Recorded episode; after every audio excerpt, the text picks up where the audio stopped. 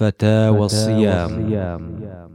فتاوى الصيام قراءة من فتاوى الصيام من مجموع فتاوى ورسائل فضيلة الشيخ محمد بن صالح العثيمين رحمه الله تعالى. الحلقة التاسعة والعشرون. بسم الله الرحمن الرحيم. الحمد لله نحمده ونستعينه ونستغفره ونعوذ بالله من شرور أنفسنا ومن سيئات أعمالنا. من يهده الله فلا مضل له ومن يضلل فلا هادي له. وأشهد أن لا إله إلا الله وحده لا شريك له وأشهد أن محمدا عبده ورسوله صلى الله عليه وعلى آله وأصحابه ومن تبعهم بإحسان إلى يوم الدين وسلم تسليما. أما بعد فإنه بمناسبة حلول شهر رمضان المبارك فإننا نقدم إلى إخواننا المسلمين الفصول التالية. سائلين الله تعالى أن يجعل عملنا خالصا لله موافقا لشريعته نافعا لخلقه. إنه جواد كريم. الفصل الأول في حكم الصيام. الفصل الثاني في حكمه وفوائده. الفصل الثالث في حكم صيام المريض والمسافر. الفصل الرابع في مفسدات الصوم وهي المفطرات. الفصل الخامس في التراويح. الفصل السادس في الزكاة وفوائدها. الفصل السابع في أهل الزكاة. الفصل الثامن في زكاة الفطر. الفصل الأول. في حكم الصيام. صيام رمضان فريضة ثابتة في كتاب الله تعالى وسنة رسوله صلى الله عليه وسلم وإجماع المسلمين. قال الله تعالى يا أيها الذين آمنوا كتب عليكم الصيام كما كتب على الذين من قبلكم لعلكم تتقون أياما معدودات.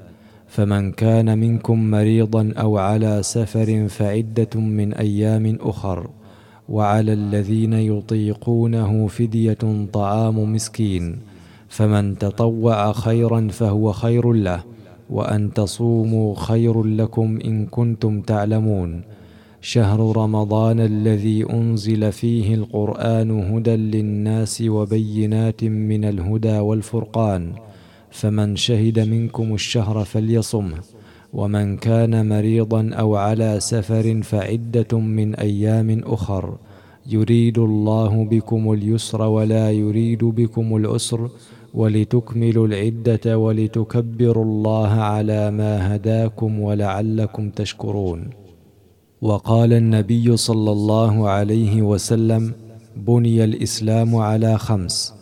شهادة أن لا إله إلا الله وأن محمدا رسول الله وإقام الصلاة وإيتاء الزكاة وحج البيت وصوم رمضان. متفق عليه. وفي رواية لمسلم وصوم رمضان وحج البيت. وأجمع المسلمون على فرضية صوم رمضان. فمن أنكر فرضية صوم رمضان فهو مرتد كافر. يستتاب فإن تاب وأقر بفرضيته فذاك وإلا قتل كافرا. وفرض صوم رمضان في السنة الثانية من الهجرة. فصام رسول الله صلى الله عليه وسلم تسع رمضانات والصوم فريضة على كل مسلم بالغ عاقل. فلا يجب الصوم على الكافر ولا يقبل منه حتى يسلم. ولا يجب الصوم على الصغير حتى يبلغ ويحصل بلوغه بتمام خمس عشرة سنة أو نبات عانته أو نزول المني منه باحتلام أو غيره وتزيد الأنثى بالحيض. فمتى حصل للصغير أحد هذه الأشياء فقد بلغ. لكن يؤمر الصغير بالصوم إذا أطاق بلا ضرر عليه ليعتاده ويألفه. ولا يجب الصوم على فاقد العقل بجنون أو تغير دماغ أو نحوه. وعلى هذا فإذا كان الإنسان كبيرا يهذري ولا يميز فلا صيام عليه ولا إطعام. الفصل الثاني في حكم الصيام وفوائده. من أسماء الله تعالى الحكيم. والحكيم من اتصف بالحكمة. والحكمة إتقان الأمور ووضعها في مواضعها ومقتضى هذا الاسم العظيم من أسمائه تعالى أن كل ما خلقه الله تعالى أو شرعه فهو لحكمة بالغة علمها من علمها وجهلها من جهلها. وللصيام الذي شرعه الله وفرضه على عباده حكم عظيمة وفوائد جمة. فمن حكم الصيام أنه عبادة يتقرب بها العبد إلى ربه بترك محبوباته المجبول على محبتها من طعام وشراب ونكاح لينال بذلك رضا ربه والفوز بدار كرامته فيتبين بذلك إيثاره لمحبوبات ربه على محبوبات نفسه وللدار الآخرة على الدار الدنيا. ومن حكم الصيام أنه سبب للتقوى إذا قام الصائم بواجب صيامه.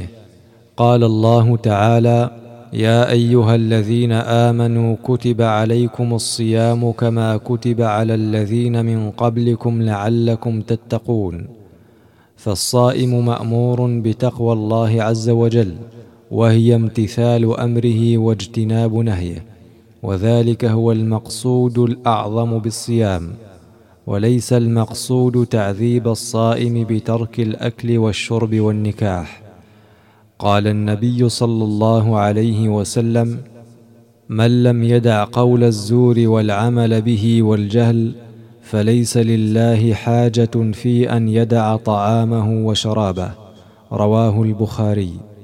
وقول الزور كل قول محرم من الكذب والغيبة والشتم وغيرها من الأقوال المحرمة.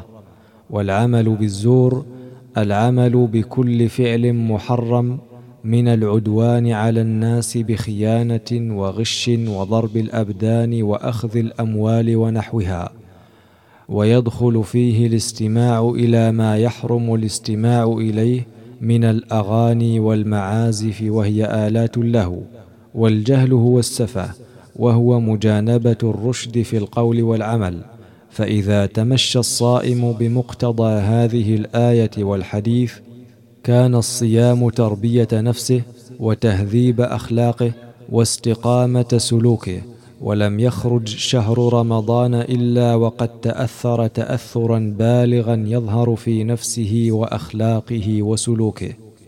ومن حكم الصيام أن الغني يعرف قدر نعمة الله عليه بالغنى حيث إن الله تعالى قد يسر له الحصول على ما يشتهي من طعام وشراب ونكاح مما أباح الله شرعا ويسره له قدرا فيشكر ربه على هذه النعمة ويذكر أخاه الفقير الذي لا يتيسر له الحصول على ذلك فيجود عليه بالصدقة والإحسان. ومن حكم الصيام التمرن على ضبط النفس والسيطرة عليها حتى يتمكن من قيادتها لما فيه خيرها وسعادتها في الدنيا والآخرة. ويبتعد عن أن يكون إنسانا بهيميا لا يتمكن من منع نفسه عن لذاتها وشهواتها لما فيه مصلحتها. ومن حكم الصيام ما يحصل من الفوائد الصحية الناتجة عن تقليل الطعام وإراحة الجهاز الهضمي فترة معينة وترسب بعض الفضلات والرطوبات الضارة بالجسم وغير ذلك. الفصل الثالث في حكم صيام المريض والمسافر.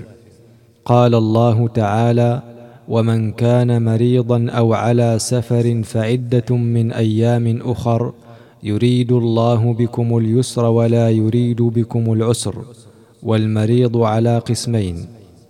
أحدهما من كان مرضه لازما مستمرا لا يرجى زواله كالسرطان فلا يلزمه الصوم لأنه ليس له حال يرجى فيها أن يقدر عليه.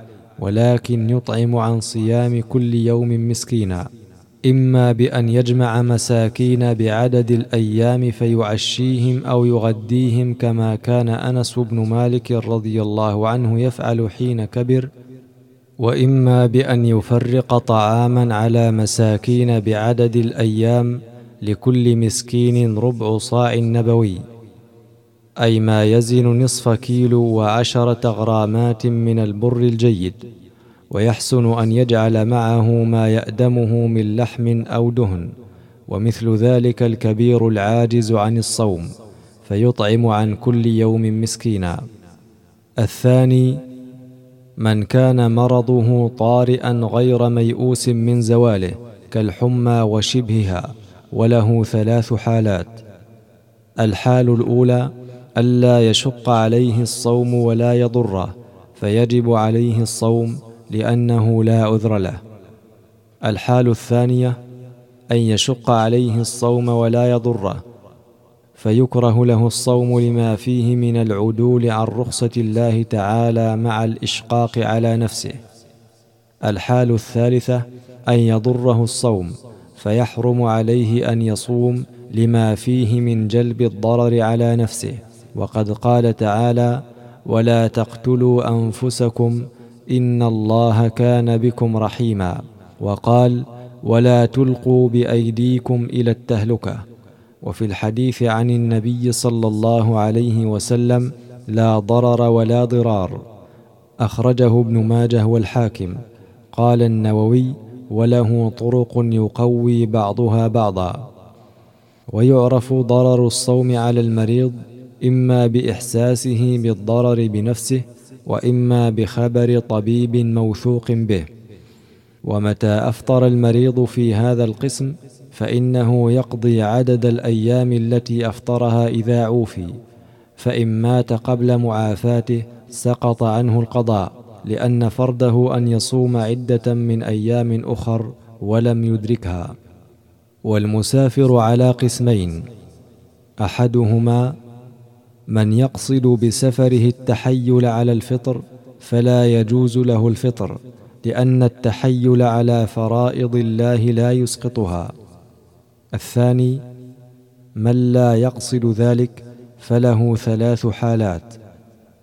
الحال الأولى أن يشق عليه الصوم مشقة شديدة فيحرم عليه أن يصوم لأن النبي صلى الله عليه وسلم كان في غزوة الفتح صائما فبلغه أن الناس قد شق عليهم الصيام وأنهم ينظرون فيما فعل فدعا بقدح من ماء بعد العصر فشربه والناس ينظرون فقيل له إن بعض الناس قد صاموا فقال أولئك العصاة أولئك العصاة. رواه مسلم. الحال الثانية أن يشق عليه الصوم مشقة غير شديدة فيكره له الصوم لما فيه من العدول عن رخصة الله تعالى مع الإشقاق على نفسه. الحال الثالثه الا يشق عليه الصوم فيفعل الأيسر عليه من الصوم والفطر لقوله تعالى يريد الله بكم اليسر ولا يريد بكم العسر والإرادة هنا بمعنى المحبة. فإن تساويا فالصوم أفضل لأنه فعل النبي صلى الله عليه وسلم.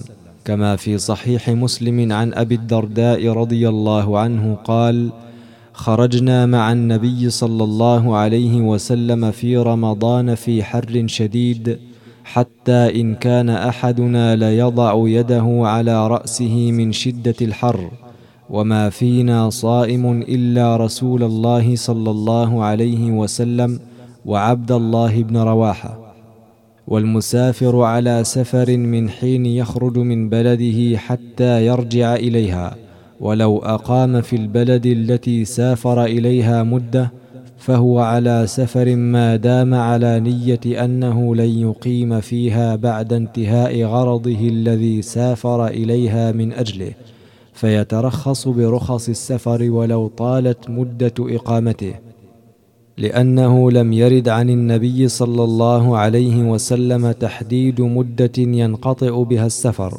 والأصل بقاء السفر وثبوت أحكامه حتى يقوم دليل على انقطاعه وانتفاء أحكامه.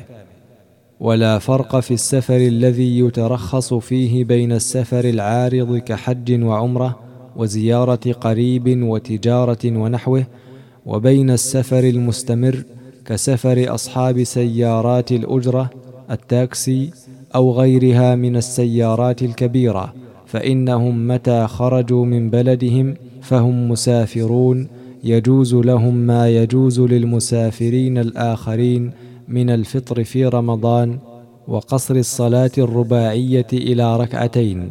والجمع عند الحاجة إليه بين الظهر والعصر وبين المغرب والعشاء والفطر أفضل لهم من الصيام إذا كان أسهل لهم ويقضونه في أيام الشتاء لأن أصحاب هذه السيارات لهم بلد ينتمون إليها فمتى كانوا في بلدهم فهم مقيمون لهم ما للمقيمين وعليهم ما عليهم ومتى سافروا فهم مسافرون. لهم ما للمسافرين وعليهم ما على المسافرين. الفصل الرابع. مفسدات الصوم وهي المفطرات. مفسدات الصوم سبعة. الأول الجماع وهو إيلاج الذكر في الفرج فمتى جامع الصائم فسد صومه ثم إن كان في نهار رمضان والصوم واجب عليه لزمته الكفارة المغلظة لفحش فعله وهي عتق رقبة فإن لم يجد فصيام شهرين متتابعين فإن لم يستطع فإطعام ستين مسكينا. فإن كان الصوم غير واجب عليه كالمسافر يجامع زوجته وهو صائم فعليه القضاء دون الكفارة.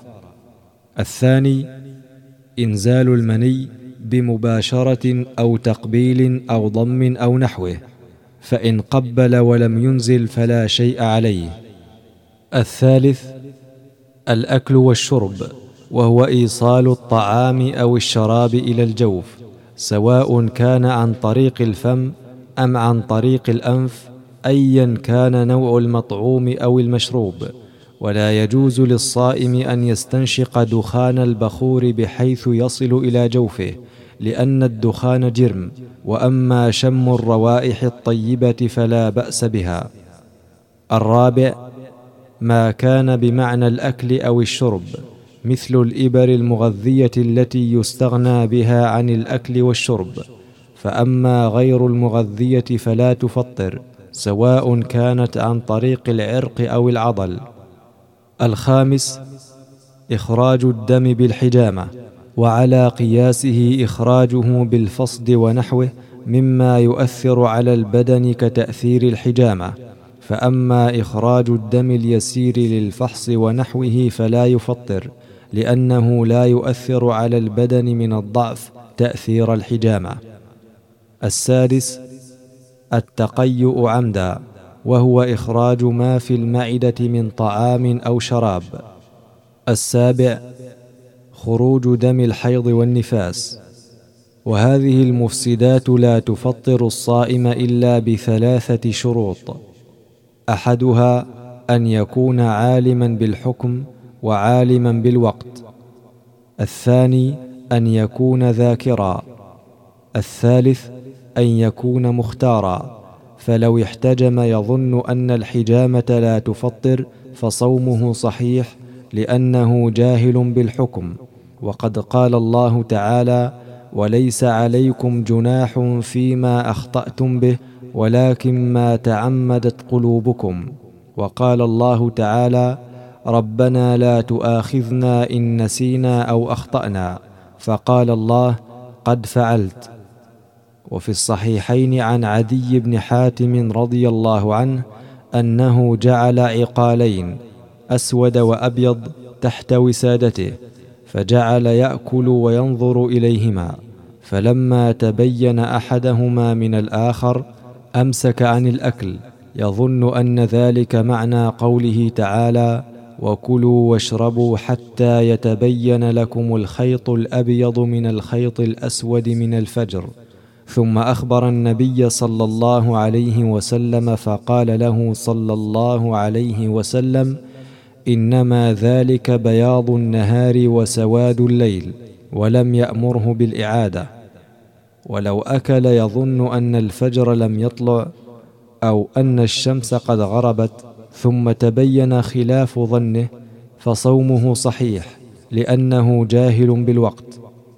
وفي صحيح البخاري عن أسماء بنت أبي بكر رضي الله عنها قالت أفطرنا في عهد النبي صلى الله عليه وسلم في يوم غيم ثم طلعت الشمس. ولو كان القضاء واجبا لبينه صلى الله عليه وسلم لأن الله أكمل به الدين. ولو بينه صلى الله عليه وسلم لنقله الصحابة. لأن الله تكفل بحفظ الدين. فلما لم ينقله الصحابة علمنا أنه ليس بواجب ولأنه مما توفر الدواعي على نقله لأهميته فلا يمكن إغفاله. ولو أكل ناسيا أنه صائم لم يفطر لقول النبي صلى الله عليه وسلم من نسي وهو صائم فأكل أو شرب فليتم صومه فإنما أطعمه الله وسقاه. متفق عليه. ولو أكره على الأكل أو تمضمض فتهرب الماء إلى بطنه أو قطر في عينه فتهرب القطور إلى جوفه أو احتلم فأنزل منيا فصومه صحيح في ذلك كله لأنه بغير اختياره. ولا يفطر الصائم بالسواك بل هو سنة له ولغيره في كل وقت. في أول النهار وآخره ويجوز للصائم أن يفعل ما يخفف عنه شدة الحر والعطش كالتبرد بالماء ونحوه فإن النبي صلى الله عليه وسلم كان يصب الماء على رأسه وهو صائم من العطش وبل ابن عمر رضي الله عنهما ثوبا فألقاه على نفسه وهو صائم. وهذا من اليسر الذي كان الله يريده بنا ولله الحمد والمنة على نعمته وتيسيره. الفصل الخامس في التراويح. التراويح قيام الليل جماعة في رمضان ووقتها من بعد صلاة العشاء إلى طلوع الفجر. وقد رغب النبي صلى الله عليه وسلم في قيام رمضان. حيث قال من قام رمضان إيمانا واحتسابا غفر له ما تقدم من ذنبه. وفي صحيح البخاري عن عائشة رضي الله عنها أن النبي صلى الله عليه وسلم قام ذات ليلة في المسجد فصلى بصلاته ناس ثم صلى من القابلة فكثر الناس ثم اجتمعوا في الليلة الثالثة أو الرابعة فلم يخرج إليهم. فلما أصبح قال قد رأيت الذي صنعتم فلم يمنعني من الخروج إليكم إلا أني خشيت أن تفرض عليكم وذلك في رمضان. والسنة أن يقتصر على إحدى عشرة ركعة يسلم من كل ركعتين لأن عائشة رضي الله عنها سئلت كيف كانت صلاة النبي صلى الله عليه وسلم في رمضان؟ فقالت ما كان يزيد في رمضان ولا في غيره على إحدى عشرة ركعة. متفق عليه.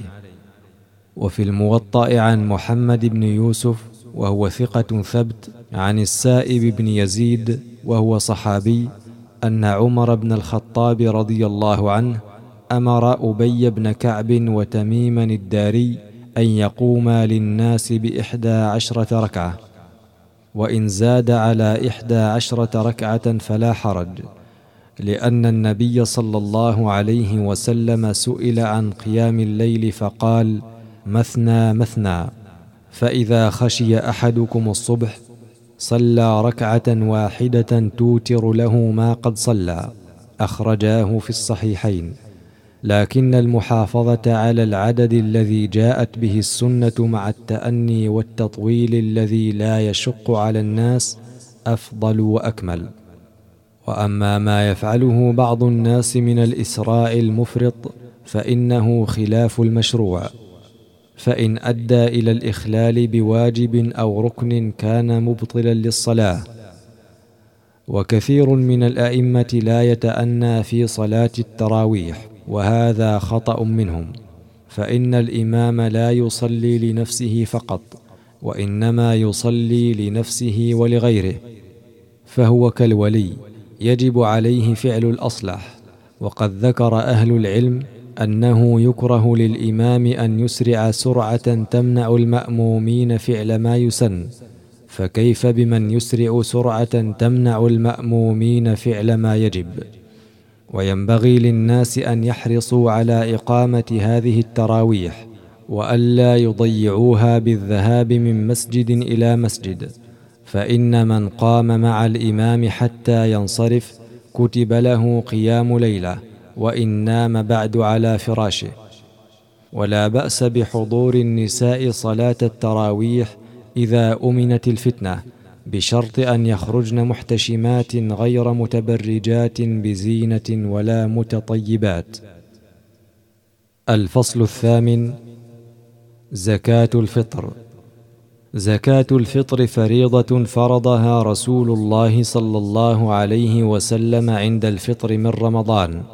قال عبد الله بن عمر رضي الله عنهما فرض رسول الله صلى الله عليه وسلم زكاة الفطر من رمضان على العبد والحر والذكر والأنثى والصغير والكبير من المسلمين.